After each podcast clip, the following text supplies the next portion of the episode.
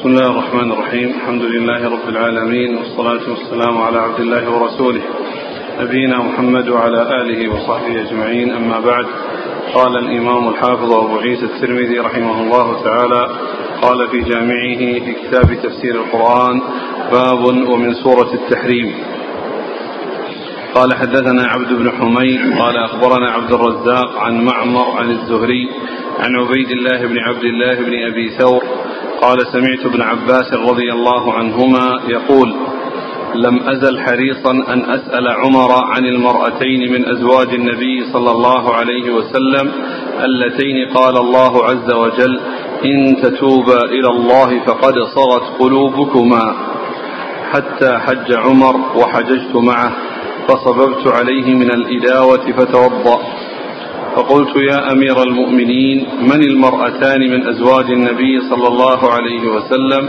اللتان قال الله إن تتوبا إلى الله فقد صغت قلوبكما وإن تظاهرا عليه فإن الله هو مولاه. فقال لي وعجبا لك يا ابن عباس.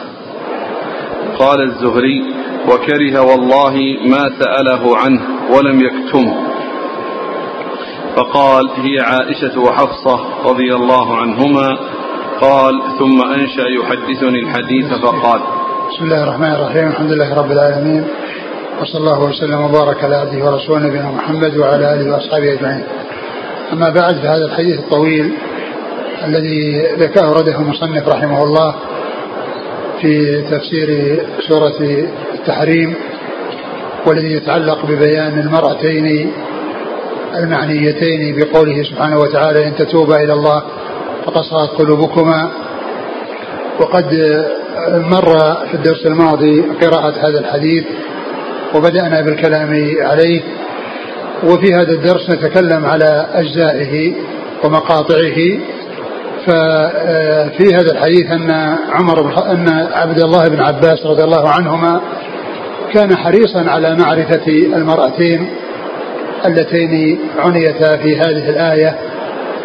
وكان يحب أو كان يريد أن يسأل عمر رضي الله عنه عنهما. وكان عمر رجلا مهيبا.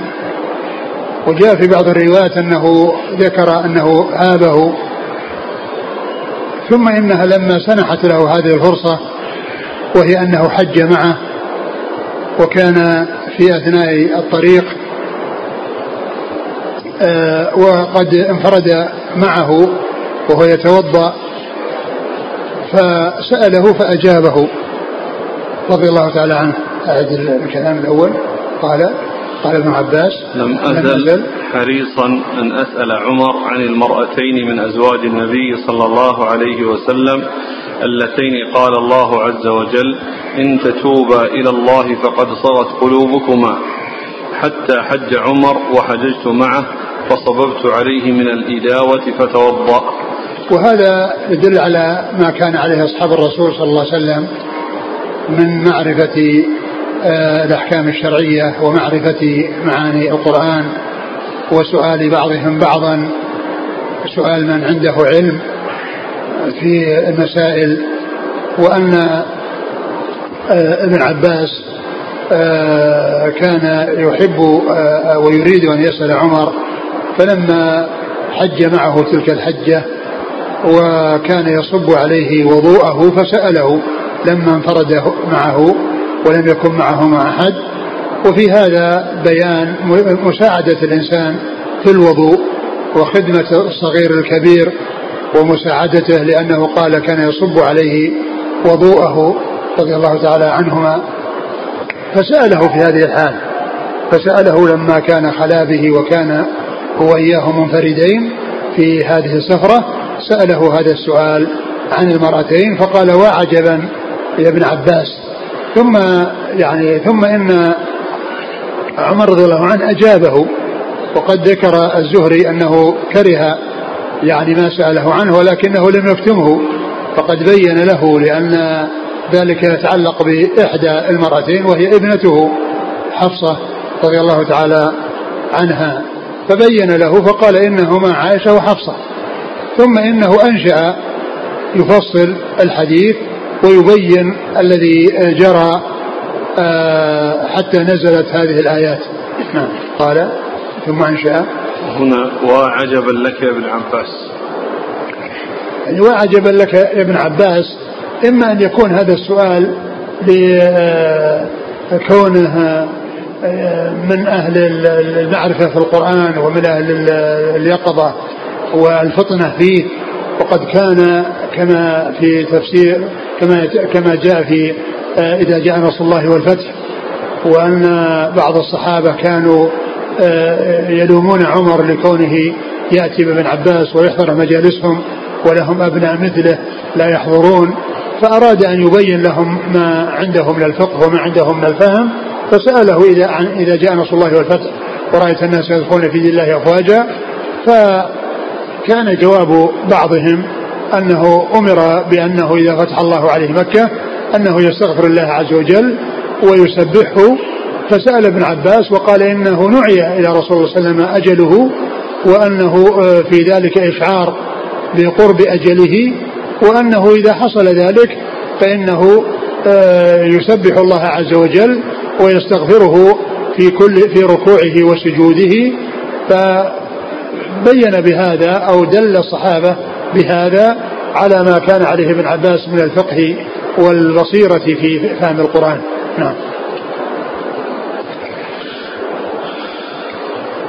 قال كنا معشر قريش نغلب النساء فلما قدمنا المدينة فأنشأ يقول. نعم. فأنشأ ثم أنشأ يحدثني الحديث فقال نعم. كنا معشر قريش نغلب النساء. فلما قدمنا المدينة وجدنا قوما تغلبهم نساؤهم.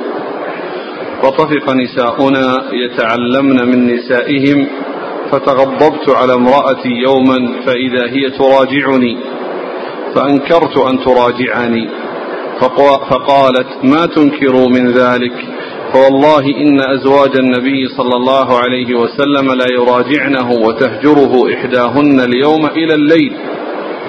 قال قلت في نفسي قد خابت من فعلت ذلك منهن وخسرت. قال وكان منزلي بالعوالي في بني أمية وكان لي جار من الأنصار. يعني ابن عباس عمر رضي الله عنه بين لابن عباس آه، ما كان عليه المهاجرون وما كان عليه الأنصار. وقال عمر إن, إن كنا معشر المهاجرين آه، آه، يغلبون النساء و ولا تراجعهن المرأة في ذلك وإذا راجعتهم فإنهم يعتبون عليها ويمنعونها. فلما جاءوا إلى المدينة وجدوا الأنصار تغلبهم نساءهم وأنهن يراجعنهم فتعلمنا آه، آه، نساء تعلمت نساء المهاجرين من نساء الأنصار فمرة من المرات كان آه، يكلم امرأته فراجعته واستنكر منها هذا الصنيع لأنه كان غير معروف من نساء المهاجرين أو مع نساء المهاجرين. فقالت كيف تفعل ذلك وتستنكر؟ ورسول الله صلى الله عليه وسلم تراجعه نساؤه وقد تهجره الواحدة إلى الليل. فعند ذلك قال عمر رضي الله عنه خاب وخسر من فعل ذلك يعني من زوجات الرسول صلى الله عليه وسلم. من فعل ذلك بأنها تخاصمه وتكلمه وتهجره إلى الليل وهو رسول الله صلى الله عليه وسلم. خبنا وخسرنا بفعلهن يعني هذا الفعل. نعم. ثم بعد ذلك ساق آه، الشيء الذي آه، يريد أن يصل منه إلى آه، القصة التي فيها نزول الآيات. نعم. قال وكان لي جار من الأنصار كنا نتناوب النزول إلى رسول الله صلى الله عليه وسلم فينزل يوما فيأتيني بخبر الوحي وغيره وأنزل يوما فآتيه بمثل ذلك. وهذا يدلنا على ما كان عليه أصحاب الرسول صلى الله عليه وسلم من الحرص الشديد على معرفة الأحكام الشرعية ومعرفة ما يصدر من رسول الله صلى الله عليه وسلم من, من, من بيان الأحكام. وأنهم يجمعون بين مصالحهم الدنيوية وبين المصالح التي فيها تفقه في الدين. فكان عمر رضي الله عنه يقول إن له جار من الأنصار في في الأوالي وأن كل واحد منهما ينزل يوما وإذا نزل أحدهما إذا رجع يخبره بما سمعه من رسول الله عليه الصلاة والسلام من الوحي. وهذا يدلنا على حرصهم الشديد على معرفة الأحكام الشرعية رضي الله عنهم وأرضاهم وأنهم إن انشغلهم ما يشغلهم من, من المحافظة على مصالحهم الدنيوية فإنهم يحسبون حسابا لئلا تفوتهم آه، الأحكام الشرعية والمعاني والأحكام التي آه، يبينها رسول الله صلى الله عليه وسلم. فكان عمر ينزل يوما ويحضر مجلس النبي صلى الله عليه وسلم والأنصاري في ذلك اليوم الذي فيه عمر عند النبي عليه السلام هو في بستانه فإذا جاء اليوم الآخر فإذا خرج عمر ذهب عمر رضي الله عنه إلى إلى بستانه لقي صاحبه الأنصاري وأخبره بالذي سمعه من رسول الله صلى الله عليه وسلم. وأخبره بالذي سمعه من رسول الله عليه الصلاة والسلام. ثم ينزل الأنصاري من الغد وهكذا يوما ويوما يوم لعمر ويوم للأنصاري. وقد جاء مثل هذا في حديث عقبة بن عامر الجهني رضي الله عنه. قال كنا. كما في صحيح مسلم كنا نتناوب رعاية الإبل. نتناوب رعاية الإبل. ف آه، كل يوم آه، يسرح بها واحد منهم. فيكون واحد عنده خمس وواحد عنده ست وواحد عنده سبع. ليس كل يسرح بإبله وإنما يجمعونها وكل يوم يذهب بها واحد. ليحضروا مجلس الرسول صلى الله عليه وسلم وليتفقهوا في الدين وليعرفوا من الأحكام الشرعية. قال رضي الله عنه فأتيت بها أو روحتها بعجل يعني معناه أنه بكر في الرواح. ثم إنه جاء إلى مجلس الرسول صلى الله عليه وسلم وحضر بقية المجلس وحضر بقية المجلس. لكن محل الشاهد قول كنا نتناوب رعاية الإبل من أجل أن يوفقوا بين مصالحهم الدنيوية وكونهم يرعون إبلهم ويتولاها كل يوم واحد منهم آه، والباقية يحضرون مجلس الرسول عليه الصلاة والسلام ويتفقهون في الدين ويتفقهون في الدين نعم. ثم إنه في يوم من الأيام لما خرج الأنصاري وكان لي جار من الأنصار كنا نتناوب النزول إلى رسول الله صلى الله عليه وسلم فينزل يوما فيأتيني بخبر الوحي وغيره وأنزل يوما فاتيه بمثل ذلك قال وكنا نحدث أن غسان تنعل الخيل لتغزونا. قال فجاءني يوما عشاء فضرب علي على الباب فخرجت إليه فقال حدث أمر عظيم قلت أجاءت غسان؟ قال أعظم من ذلك. طلق رسول الله صلى الله عليه وسلم نساءه. قال قلت في نفسي خابت حفصة وخسرت. قد كنت أظن هذا كائنا. قال فلما صليت الصبح شددت علي ثيابي ثم انطلقت حتى دخلت على حفصة فإذا هي تبكي. فقلت أطلقكن رسول الله صلى الله عليه وسلم. قالت لا أدري هو ذا معتزل في هذه المشروبة؟ قال فانطلقت فأتيت غلاما أسود فقلت استأذن لعمر. وفي هذا الذي آه، جاء في هذا الحديث أو في هذا في هذا سياق هذا الحديث أنهم آه، أنه في الليلة أو في اليوم الذي كان الأنصاري هو الذي نزل جاء في العشاء يعني في في في الليل في أول الليل وطرق الباب عليه بشدة وبقوة. فقال له قال حدث أمر عظيم. قال وكنا نحدث أن أن غسان أنهم ينعلون الخيل يعني يريدون أن يأتوا إلى الرسول صلى الله عليه وسلم ويقاتلونه. فكان هذا الذي في ذهنه. فلما قال حدث أمر عظيم قالت جاءت بنو غسان. قال لا أعظم من ذلك. طلق رسول الله صلى الله عليه وسلم نساء ومعلوم أن حفصة رضي الله عنها من نسائه عليه الصلاة والسلام فشق ذلك على عمر وكبر ذلك على عمر. وقد مر ذكر الذي جرى بين المهاجرين والأنصار وأن نساء النبي صلى الله عليه وسلم وأن امرأة عمر قالت إن نساء النبي يخاطبنه وقد تهجره الواحدة إلى الليل فقال خاب وخسر من فعل ذلك. فلما آه، حدثه بهذا الحديث وقع في باله آه، حفصة وقال وقال هذا الكلام في حقها. وكان متوقعا ذلك لما سمعه من آه، مراجعتهن للرسول صلى الله عليه وسلم وما ذكرته امرأته عن زوجات الرسول عليه الصلاة والسلام فكان متخوفا أن يحصل شيء. فلما ذكر الطلاق وقع في باله وهذه خسارة كبيرة. كون آه، آه، ابنته تخرج من عصمة الرسول صلى الله عليه وسلم وعصمته شرف. لمن تحصل له. ومن المعلوم أن الخلفاء الراشدين الأربعة كلهم من أصحاب الرسول صلى الله عليه وسلم. فأبو بكر وعمر تزوج منهما رسول الله صلى الله عليه وسلم. والآخران عثمان وعلي تزوج من بنات الرسول عليه الصلاة والسلام. فالخلفاء الراشدين الأربعة هم أصحاب رسول الله صلى الله عليه وسلم.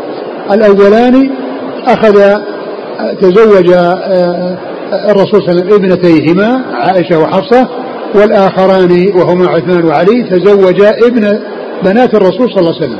عثمان تزوج رقية ثم أم كلثوم بعد وفاة رقية وقد ماتتا في في حياته صلى الله عليه وسلم.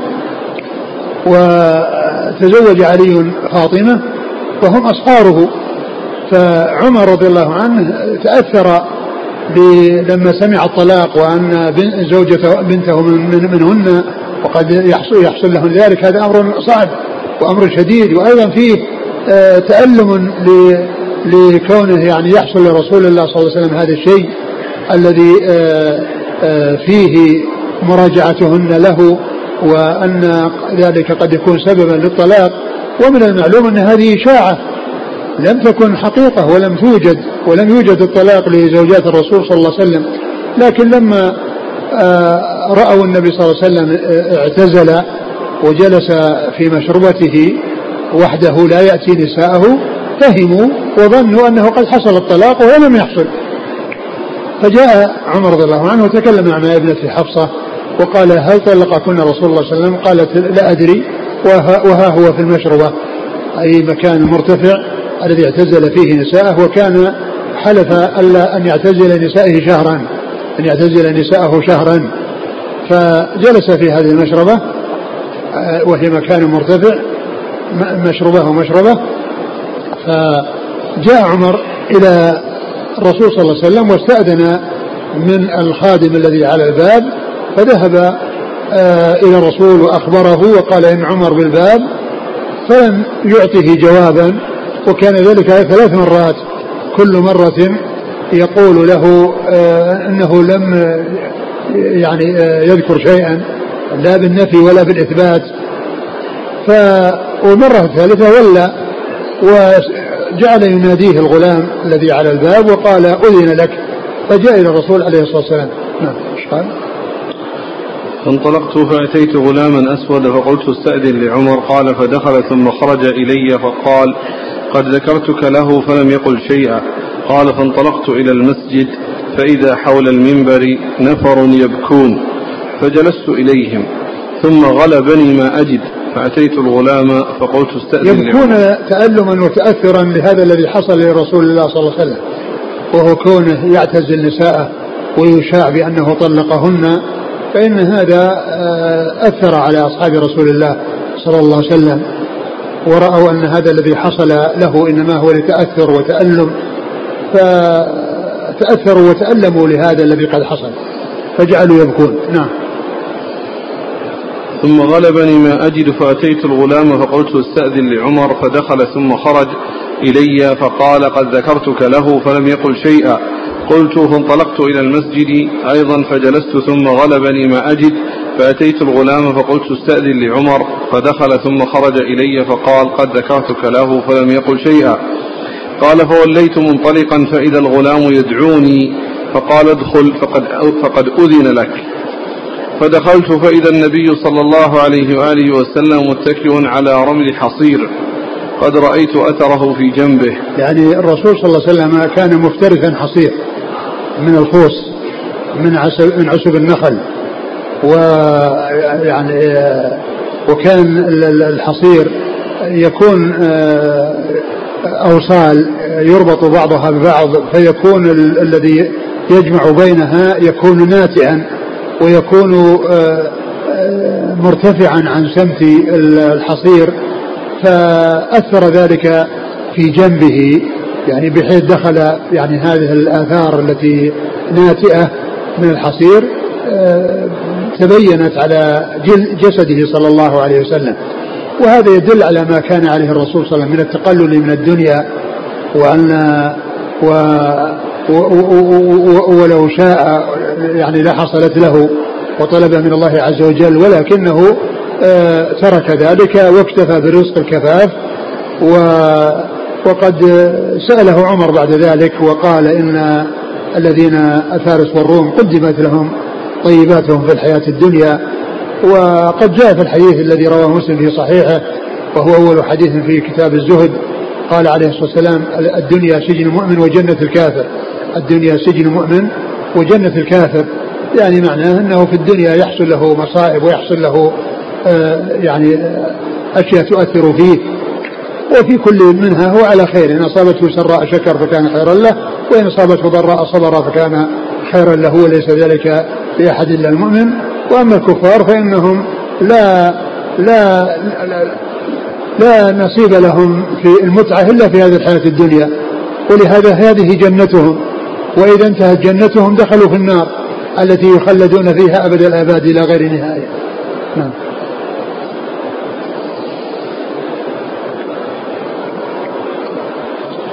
فقلت يا رسول الله أطلقت نساءك؟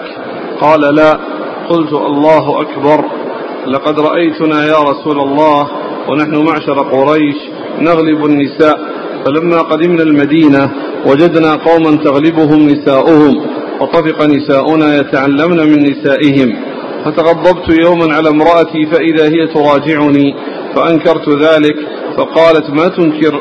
فوالله إن أزواج النبي صلى الله عليه وسلم ليراجعنه وتهجره إحداهن اليوم إلى الليل. قال فقلت لحفصة أتراجعين رسول الله صلى الله عليه وسلم؟ قالت نعم وتهجره إحدانا اليوم إلى الليل. فقلت قد خابت من فعلت ذلك منكن وخسرت. أتأمن إحداكن أن يغضب الله عليها لغضب رسوله فإذا هي قد هلكت. ثم إن عمر رضي الله عنه ذكر للنبي صلى الله عليه وسلم الذي ذكره لابن عباس في أول الحديث وهو التمهيد للوصول إلى الذي قد حصل آه، من مما أشيع من أن النبي صلى الله عليه وسلم طلق نساءه فلما مثل بين يدي الرسول صلى الله عليه وسلم ودخل عليه أول شيء سأل عنه ذلك الذي أهمه والذي أخافه وأزعجه وأزعج غيره حتى كانوا يبكون لما حصل أو لما أشيع من التطليق تطليق النبي صلى الله عليه وسلم لنسائه.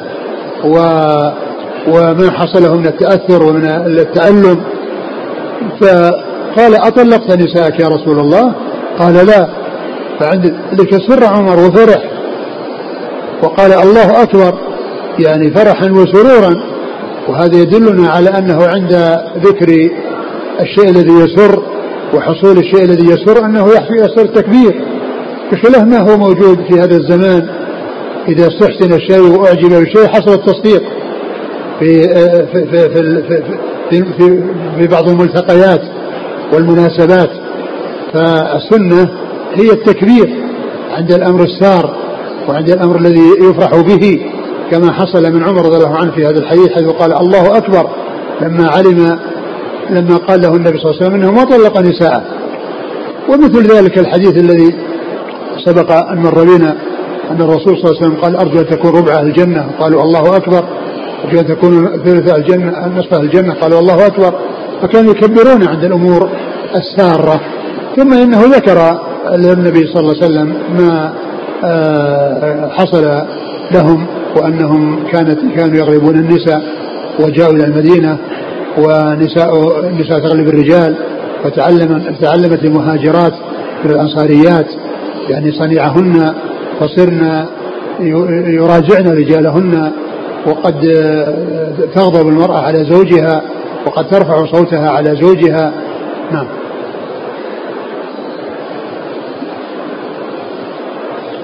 فتبسم النبي صلى الله عليه وسلم قال فقلت لحفصة لا تراجعي رسول الله صلى الله عليه وسلم ولا تسأليه شيئا.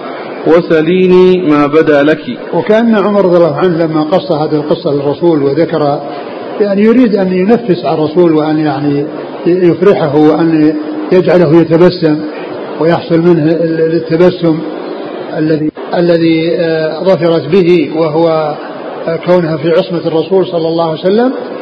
فإن كونه يخبر آه، الرسول صلى الله عليه وسلم أراد ذلك ولم يرد أن يخفي ذلك عليهن عليهن لأن ذلك قد يحصل من أحدهن أن تختار يعني غير الرسول فيحصل لها العنت والمشقة. فأراد أن تكون الجميع على بينة. نعم.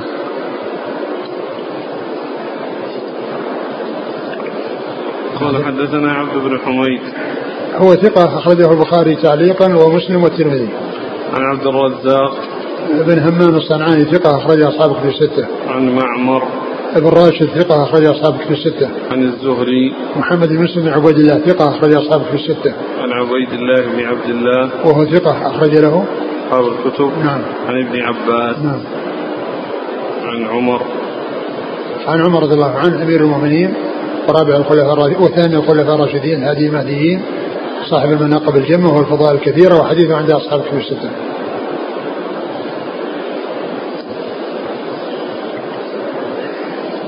قال الزهري فأخبرني عروة. قال الزهري فأخبرني عروة يعني أنه من طريق أخرى. نعم. آه عروة عن عائشة. نعم. عروة بن الزبير ثقة فقيه أخرج أصحابه في الستة.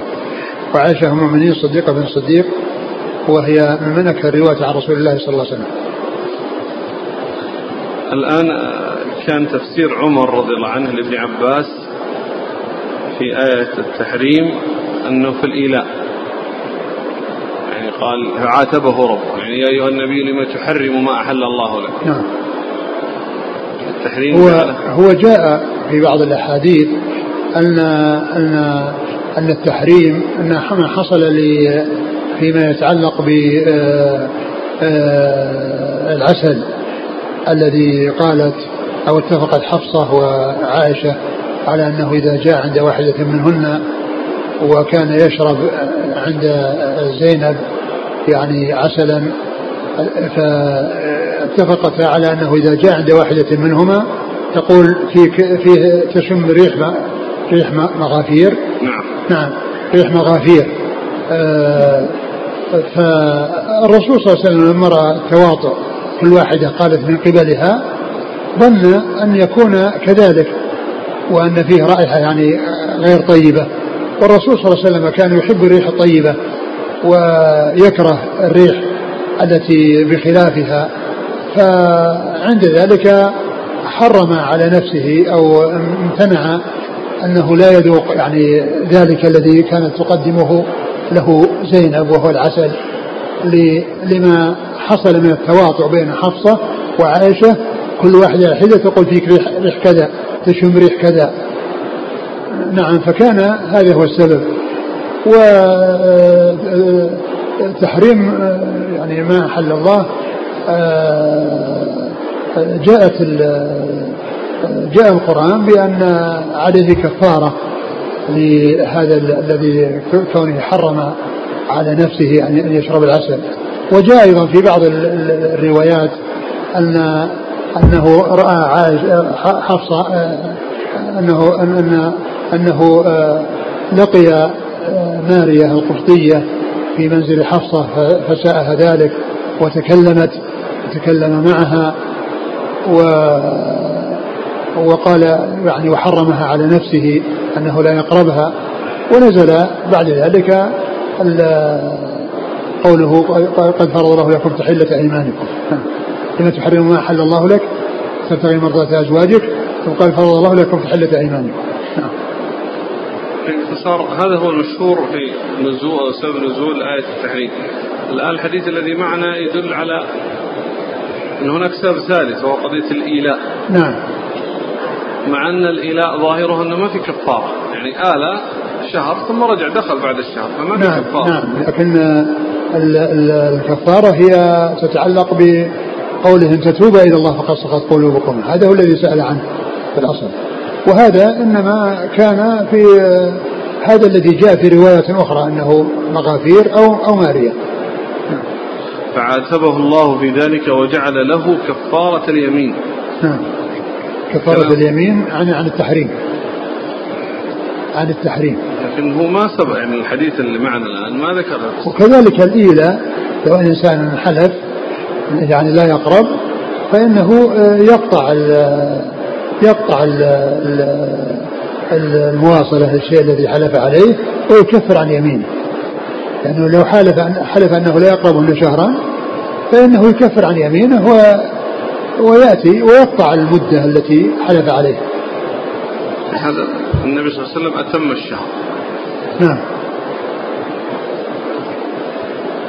أتم الشهر لكن الحكم كما هو معلوم يكون في كفارة اليمين آه الإنسان له أن يترك الشيء الذي حلف عليه إذا كان آه إتيانه خيرا يعني إذا كان آه غيره آه، إتيانه في آه، خير فإنه يأتي الذي هو خير ويكثر على اليمين. فإذا رأى الإنسان إذا آل وحلف لا يقرب امرأته يعني مدة معينة فإنه يكثر عن يمينه ويقربها من أول يوم. يقربها من أول يوم. الإيلاء حصل من جميع الأزواج. نعم. وأول الكلام أنه سأل عن المرأتين. فساق عمر عن هذه القصة مع أنها ما فيها تخصيص لعائشة وحفصة. نعم يعني ساق القصة التي فيها اللي فيها الإيلاء اللي فيها الإيلاء والرسول صلى الله عليه وسلم أكمل المدة. ولكن الكفارة هي للإيلاء وللتحريم الذي قد حصل للاثنين. ذكر عائشة وحفصة من دون بقية النساء. من أجل من أجل ما حصل بينهما من من الاتفاق. على الشيء اللي اتفقتا عليه وهذا إنما يكون في قصة المغافير لأن لأن هذه القصة هي اللي جمعت بينهما. بخلاف قصة الماريه فإنها خاصة بحفصة.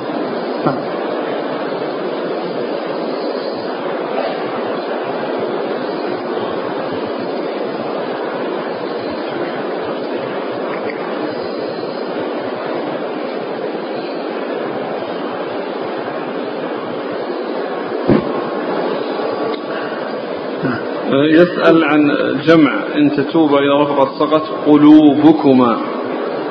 لماذا جمع القلب؟ نعم لأن لأن لأن حصول التثنية يعني في في مكان واحد مرتين فيها ثقل. فلهذا جمع القلوب وثنى المرأتين فقال قلوبكما. ما قال قلباكما؟ صغى قلباكما. ومعلوم أن الجمع آه، أقله اثنان. الجمع أقله اثنان ولهذا أقل الجماعة اثنان والجماعة تحصل باثنين إمام ومأموم. وأما الجمع اللي أقل ثلاثة هذا عند النحويين. لما يعني جاء علم النحو وراحوا يعني المفرد والمثنى والجمع فصار الجمع غير غير المثنى ولكنه من ناحية المعنى ومن ناحية حصول الجمع فإنه يحصل الاثنين. فإن الجمع يحصل باثنين ولهذا كما قلت صلاة الجماعة آه تكون من اثنين وأيضا جاء يعني في القرآن أنه ذكر الإخوة يعني يحجبون الأم من الثلث إلى السدس وذلك يتحقق باثنين. يعني يتحقق باثنين لأن الاثنين من الإخوة يحجبونها وهو, وهو أقل الجمع هل فعل عبد الله بن عباس مع عمر رضي الله عنه فيه دلالة على جواز استفتاء العالم وهو كاره لأن يفتي؟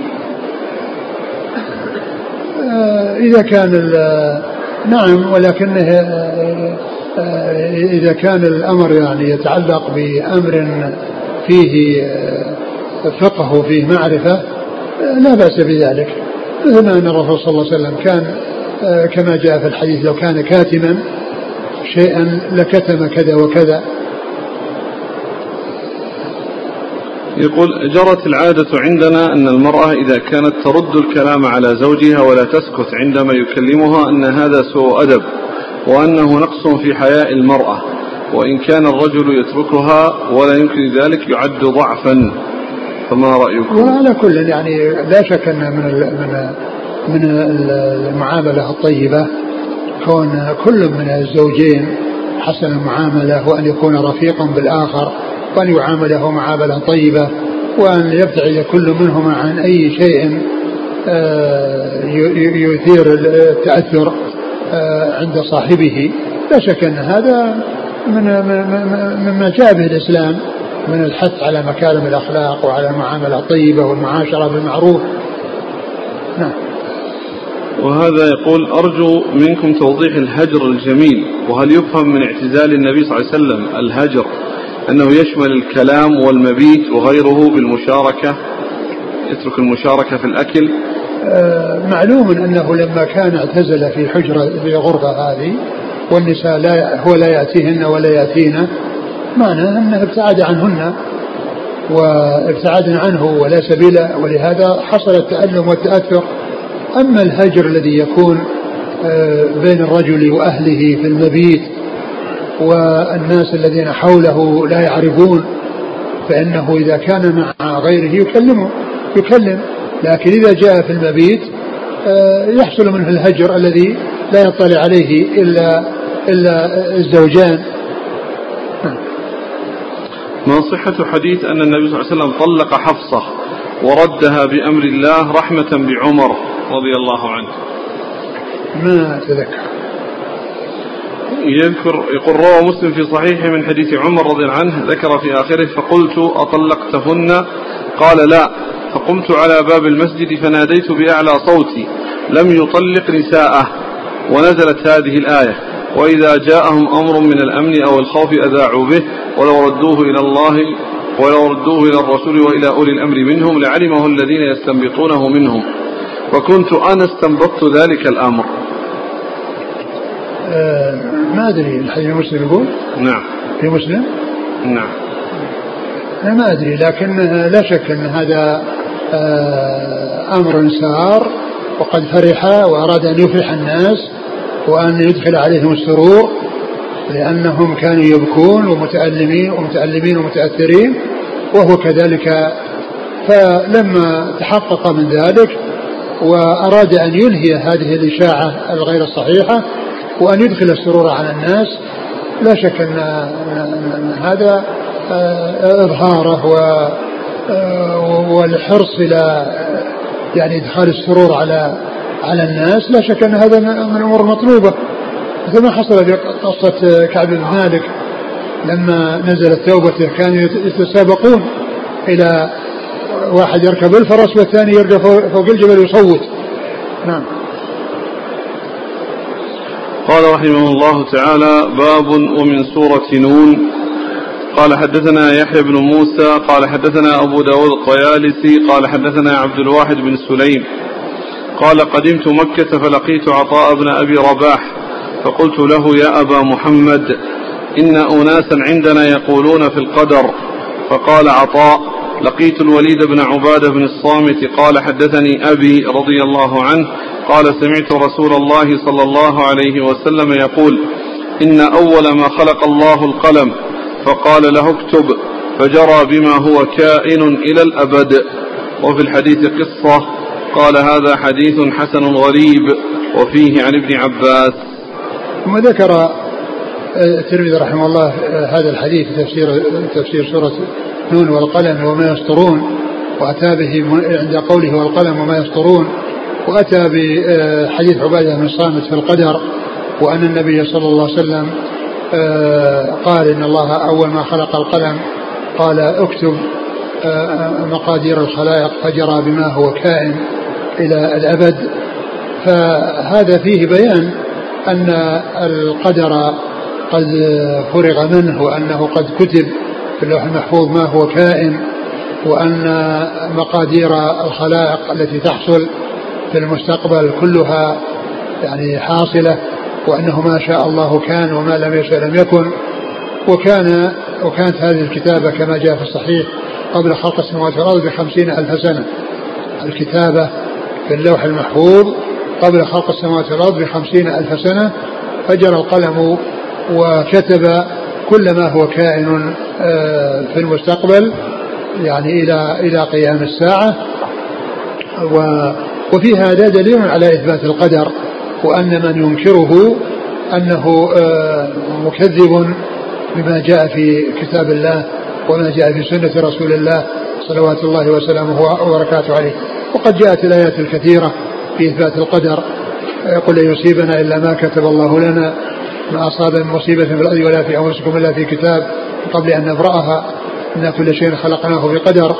وكذلك هذا الحديث وكذلك الحديث الآخر الذي جاء عن غير عبادة بن الصامت والحديث في إسناده عبد الواحد بن سليم وهو ضعيف ولكن الحديث جاء له شواهد متعددة آه، فيها إثبات القدر وأن الله تعالى لما خلق القلم أمره بأن يكتب فجرى بما هو كائن إلى يوم القيامة. نعم. قال حدثنا يحيى بن موسى. هو ثقة أخرج له. البخاري وأبو داود والترمذي والنسائي. نعم. عن أبي داود الطيالسي. وهو ثقة أخرجه البخاري تعليقا ومسلم وأصحاب السنة. عن عبد الواحد بن سليم. وهو ضعيف أخرج له. الترمذي. نعم. عن عطاء بن أبي رباح. وهو ثقة أخرجه أصحاب الكتب الستة. عن الوليد بن عبادة بن الصامت. وهو ثقة أخرجه أصحاب الكتب. إلا أبا داود نعم. عن عن أبي عبادة بن الصامت رضي الله عنه أخرج له أصحاب الكتب الستة. نعم. سؤالان عن أول المخلوقات هل هو القلم؟ بعض أهل العلم قال أن أول مخلوقات في هذا العالم المشهود وأما المخلوقات قبل ذلك فالله تعالى هو الذي يعلمها. لكن هذا العالم المشهود هل القلم هو الأول أو اللوح هو الأول؟ قولان لأهل العلم. منهم من رجح القلم ومنهم من رجح العرش ومنهم من رجح العرش وال و ابن القيم رحمه الله في النونية يعني يشير إلى تقدم إلى ترجيح القول بتقدم العرش يقول والناس مختلفون في القدر في القلم الذي كتب القضاء به من الديان هل كان قبل العرش أو هو بعده؟ قولان لأهل العلم مشهوران والحق أن العرش كان قبل لأنه قبل الكتابة كان ذا أركان. لما براه الله قال اكتب كذا فجرى فكان ب فكان ب آه، آه، كذا ذا جريان. فالعلماء اختلفوا في هذا. منهم من قال إن أول ما خلق الله القلم وقال إن إن الدليل على ذلك إن أول ما خلق الله القلم قال له كذا. والذين قالوا بتقدم العرش قالوا إن الله من حين خلقه جرى. يعني من حين الخلق حصلت الكتابة. يعني ما حصل مهلة بين الأمر وبين التنفيذ. فمن أهل العلم من قال إن الأولية على بابها وأن أول ما خلق الله القلم وأنه أمر بالكتابة. والذين قالوا بخلق العرش اولا آه، جاء آه، قالوا إن إن الأولية المقصود بها أنه من حين ما خلق جرى بالكتابة. و يعني ويقول آه، أن الدليل على ذلك كما جاء في حديث عبد الله بن عمرو العاص أن أول ما خلق الله القلم قال له اكتب فجرى بما هو كائن إلى يوم القيامة وفيه وكان عرشه على الماء. وكان عرشه على الماء. نعم. يقول هل القلم كتب كل شيء بمفرده؟ أم الله تبارك وتعالى كان يملي عليه؟ الله تعالى أعلم. وهل يقال إن القلم يعلم كل شيء؟ آه العلم الله, الله, الله تعالى هو الذي يعلم كل شيء. ومعلوم أنه آه، يعني كتب ما ما ما قدره الله وقضاه. ما قدره الله تعالى وقضاه. فهل يعني كان الله تعالى يملي عليه؟ وأنه يتكلم أو أنه آه، أفهمه آه، أعلمه أو جعله يعلم هذه الأشياء التي يكتبها. هذا من الأمور التي لا يعلمها إلا الله سبحانه وتعالى.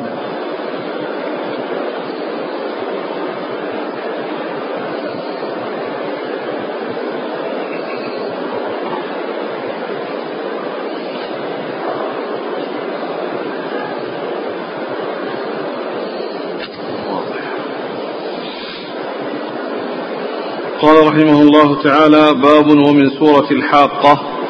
قال حدثنا عبد بن حميد قال حدثنا عبد الرحمن بن سعد عن عمرو بن أبي قيس عن سماك بن حرب عن عبد الله بن عميرة عن الأحنف بن قيس عن العباس بن عبد المطلب رضي الله عنه قال زعم أنه كان جالسا في البطحاء في عصابة ورسول الله صلى الله عليه وسلم جالس فيهم.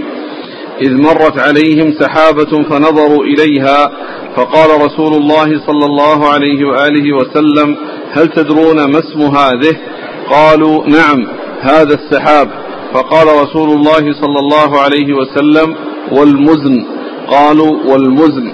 قال رسول الله صلى الله عليه وسلم والعنان. قالوا والعنان. ثم قال لهم رسول الله صلى الله عليه وعلى آله وسلم هل تدرون كم بعد ما بين السماء والأرض؟ فقالوا لا. والله ما ندري. قال فإن بعد ما بينهما إما واحدة وإما اثنتان أو ثلاث وسبعون سنة. والسماء التي فوقها كذلك حتى عدهن سبع سماوات كذلك. ثم قال فوق السماء السابعة بحر بين أسفله بين أعلاه وأسفله كما بين السماء إلى السماء. وفوق ذلك ثمانية أوعال بين أضلافهن وركبهن ما بين سماء إلى سماء. فوق ظهورهن العرش بين أسفله وأعلاه ما بين سماء إلى سماء. والله فوق ذلك.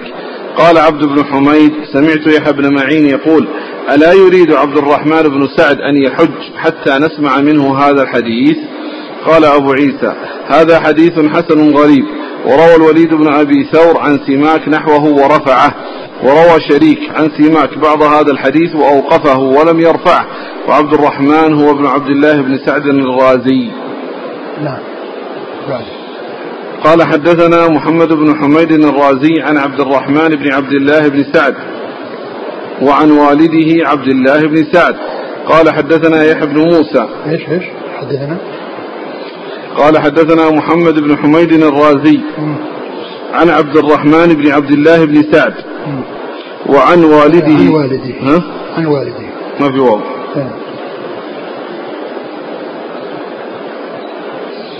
قال حدثنا محمد بن حميد الرازي عن عبد عبد الرحمن بن عبد الله بن سعد عن والده عبد الله بن سعد. قال حدثنا يحيى بن موسى قال حدثنا عبد الرحمن بن عبد الله بن سعد الرازي وهو الدشتكي. أن أباه أخبره. أن أباه رحمه الله أخبره. كذا قال. أخبره قال رأيت رجلا ببخارى على بغلة وعليه عمامة سوداء ويقول كثانيها رسول الله صلى الله عليه وآله وسلم. أعد الإسناد قال. قال حدثنا محمد بن حميد الرازي عن عبد الرحمن بن عبد الله بن سعد عن والده عبد الله بن سعد. قال حدثنا يحيى بن موسى. يعني هذا الكلام زايد الأول هذا. الكلام هذا زايد الإسناد يبدأ من حد يحيى بن موسى. أو تحويل؟ ما ما في شيء يعني. إن كان في تحويل نعم يمكن لكنه آه، النسخ الأخرى أظن لا يوجد فيها. شوفوا موجود فيها. في نسخة ما شاء الله الشيخ مشهور. يعني هو ذكر الحديث. مبتدا حدثنا يحيى بن موسى. ثم قال جاء في بعض النسخ قبل هذا حدثنا محمد بن حميد الرازي عن عبد الرحمن بن عبد الله بن سعد عن والده عبد الله بن سعد. ثم قال والصواب حذفها. نعم. هو يحيى بن موسى هو شيخ الترمذي. نعم. لكن إيش الإشكال؟ قد يكون يعني ساق الإسناد الأول. شيخه محمد بن حميد الرازي. لا بس إذا كان إذا كان فيه تحويل يعني لو كان فيه تحويل لكن النسخ الأخرى ما وجد فيه هو يقول نسخ المخطوط فيه. جاء في بعض النسخ. يقول بعض النسخ؟ اي بعض النسخ مخطوطة؟ ولا النسخ جاء في بعض النسخ قبل هذا. أخاف أن هذه النسخة اللي معنا. يشير إلى هذه. النسخة مطبوعة ما يسميها نسخ. لا بس هو الآن هو يعني هو الآن يشير إلى نسخ مخطوطة. النسخ الأخرى ما فيها ما فيها هذه. المطبوعة هذه.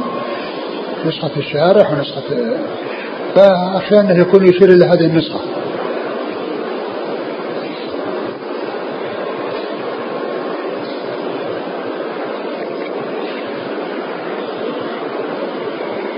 بس انتهى رجعنا ثم ذكر آه، أورد الترمذي رحمه الله في تفسير سورة الحاقة عند قوله ويحمل عرش ربك فوقهم يومئذ ثمانية هذا الحديث عن العباس. نعم. عن العباس بن عبد المطلب رضي الله عنه. وفيه أنهم كانوا مع النبي صلى الله عليه وسلم في البطحاء نعم. ف يعني جاءتهم سحابة فقال أتدرون ما هذه؟ قالوا الله ورسوله أعلم. فقال ليست السحاب ثم العنان. لا هم نعم. إذ مرت عليهم سحاب فنظروا إليها فقال صلى الله عليه وسلم هل تدرون ما اسم هذه؟ نعم. قالوا نعم. ما اسم هذه؟ قالوا نعم. هذا السحاب. هذا السحاب. وبعد قال صلى الله عليه وسلم والمزن. قالوا والمزن. والمزن نعم. قال والعنان. والعنان. قال والعنان. يعني ذاك الحديث الذي سبق أن مر الذي فيه قال والله ورسوله أعلم. آه، سبق أن مر حديث آخر بهذا المعنى. فإنه عند في, في مر بنا قريبا. آه، لكن آه، الرسول صلى الله عليه وسلم ذكر هذه الأسماء. يعني وأنهم يعرفونها بهذا الاسم بهذا الأسماء السحاب العنان والمزن والسحاب. ثم ذكر سألهم عن يعني ما بين تدرون ما بين السماء والأرض وقال إنها 71 أو 72 أو 73 وبين كل سماء وسماء يعني مثل ذلك. وبعد العرش بحر آه، آه، يعني هو كذا وبعد ذلك ثمانية أوعال هي كذا وثم بعد ذلك فوق العرش العرش يعني فوق ظهورهن. وهذا الحديث المشهور بحديث الأوعال هذا الحديث مشهور بحديث الأوعال وفي إسناده ضعف من جهتين من جهة آه، عبد الله بن عميرة هذا مقبول. ومن جهة أن البخاري قال إنه لم يسمع من آه، من أحنف بن قيس وفي درس مضى ذكرت لكم الضحاك يعني واحد يروي عن الضحاك عن ابن عباس قريبا في درس أمس.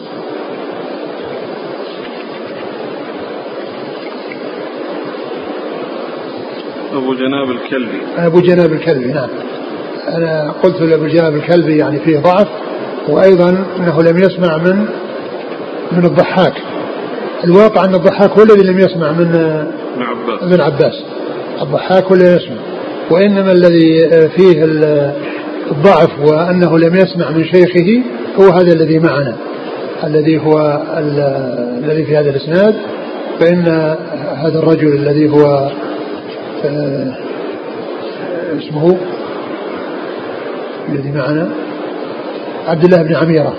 عبد الله بن عميرة يعني آه، مقبول ولم يسمع قال ابن كثير ولم وليس له سماع أو لم يسمع من آه، من من من من, من الحنف بن قيس نعم.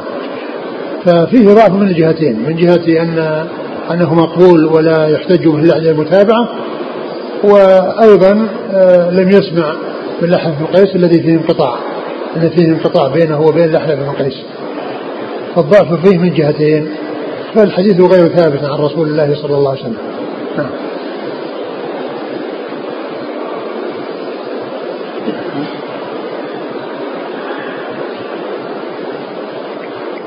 الانقطاع من من نص عليه؟ من كثير.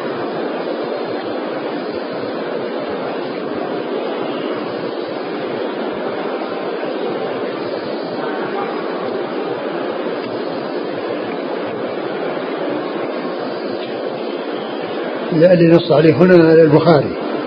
ذاك الذي عند ابن كثير اللي هو اللي هو ضحاك لم يسمع من عباس.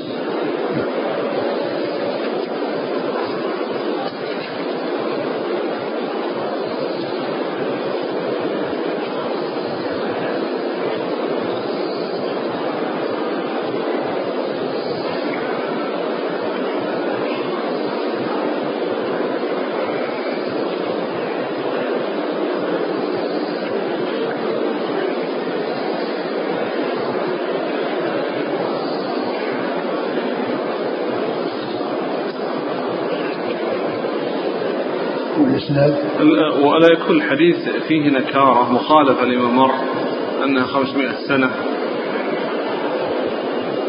آه نعم هو فيه يعني مخالفة لا شك لكن آه بعض أهل العلم قال أن هذا يختلف باختلاف السير نعم.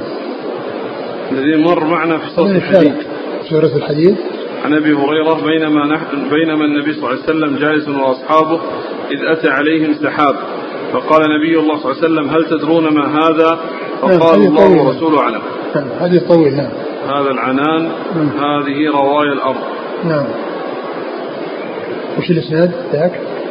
قال حدثنا عبد بن حميد وغير واحد قالوا حدثنا يونس بن محمد قال حدثنا شيبان بن عبد الرحمن عن قتادة قال حدثنا الحسن عن أبي هريرة. نعم هذا اللي فيه فيه ضعف من جهة أبي الحسن رواية عن أبي هريرة. نعم.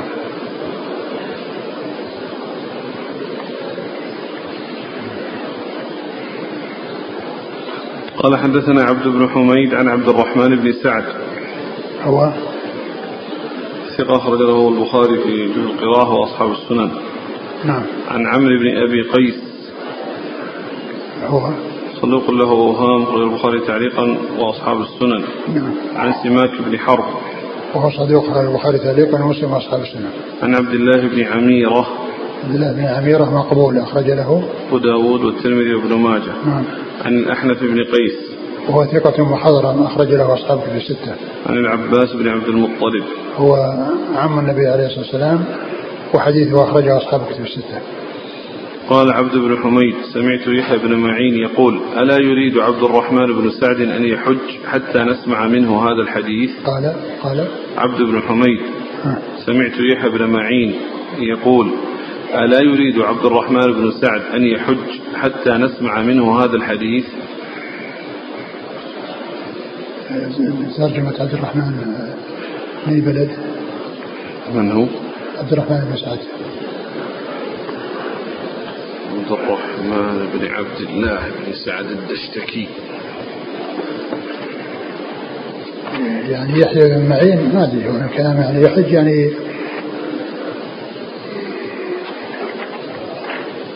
يعني يعني, يعني كان بمكة يحيى بن معين.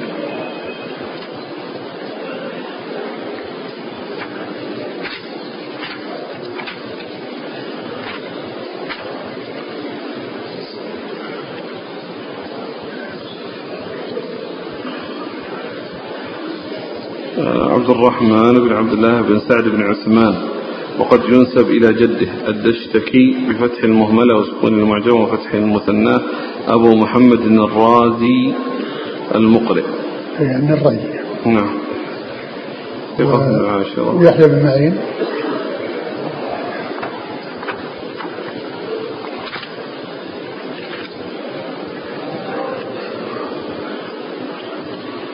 البغدادي. البغدادي نعم.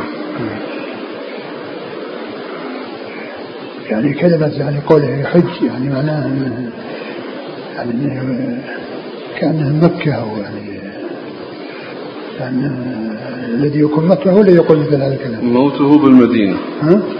يحيى بن معين بغدادي مات بالمدينة سنة 33 و200 يعني يحيى بن معين؟ مات بالمدينة. قال قال مات بالمدينة؟ نعم بالمدينة. ذكر هذا؟ نعم بالمدينة هذا نعم. هذا هو. لا يريد أن يحج يعني كانهم يتمنون أو يريدون أن يحج يعني يأتي للحج حتى يسمعوا من هذا الحديث.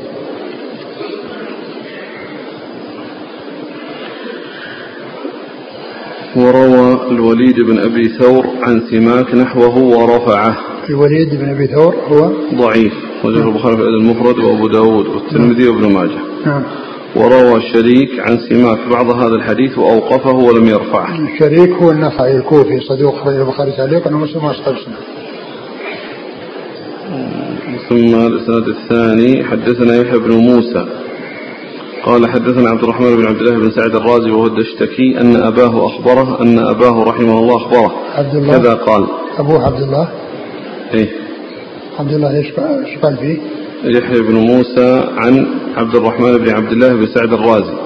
أن أباه أخبره. عبد الله بن سعد صدوق أخرجه أبو داود والترمذي والنسائي. وجده جده.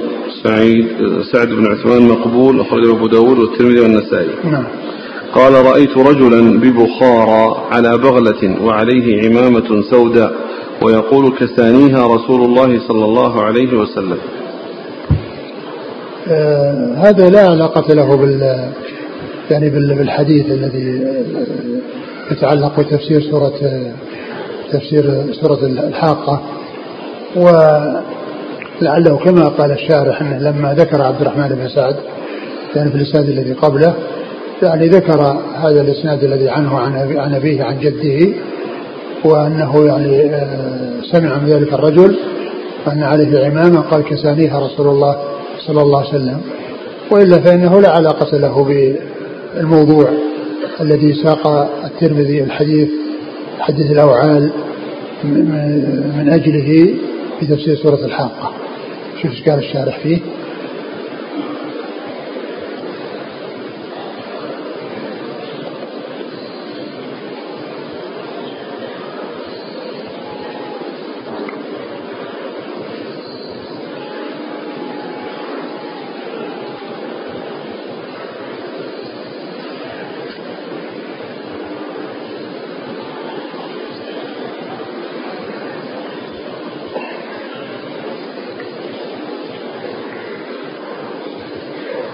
فإن قيل لما أورد الترمذي هذا الحديث في تفسير هذه الصورة لا تعلق بها.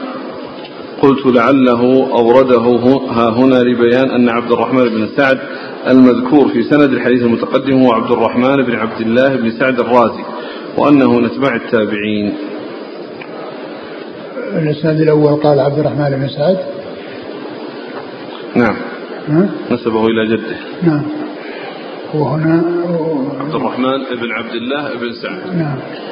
قال لأنه إيش؟ قال لأنه يعني نسب يعني عشان نسب به بيان أن عبد الرحمن بن سعد المذكور في سند الحديث المتقدم هو عبد الرحمن بن عبد الله بن سعد الرازي. يعني في نسبة, نسبة ذكر أبيه. في ذكر أبيه. وأنه من أتباع التابعين من أتباع التابعين. لأن جده يقول رأيت رجلا ببخارى على بغلة عليه إمام سعودي يقول كسانيها رسول الله صلى الله عليه وسلم. نعم. جده إذا التقى بهذا الصحابة. نعم. جده هو التابعي التقى بهذا الصحابي نعم. نعم. آه. و وأبوه عبد الله هو اللي من أتباع التابعين. يعني يروي عبد الله عن أبيه. نعم, نعم. عبد الرحمن عن عبد الله عن سعد. نعم رأيت رجلا ببخارى. نعم. الصحابي. الذي قد كسنه رسول الله لا شك أنه صحابي لكن من هو؟ عبد الله بن خازم. اسمه؟ نعم. اسمه عبد الله بن خازم روى الحاكم من طريق عبد الله بن سعد عن أبيه قال رأيت رجلا من أصحاب النبي صلى الله عليه وسلم ببخارى عليه عمامة خز سوداء هو يقول كسانيها رسول الله صلى الله عليه وسلم وهو عبد الله بن خازم انتهى. وقال في الأطراف قيل إن هذا الرجل عبد الله بن خازم السلمي أمير خراسان. وقال حافظ التقريب عبد الله بن خازم بمعجمتين السلمي أبو صالح نزل البصرة. وولي إمرة خراسان وقتل بها بعد قتل مصعب بن الزبير سنة 71 يقال إنه الذي روى عنه الدشتكي. قال رأيت رجلا بخراسان عليه عمامة سوداء يقول كثانيها رسول الله صلى الله عليه وسلم أخرجه أبو داود والترمذي والنسائي. الله أكبر الله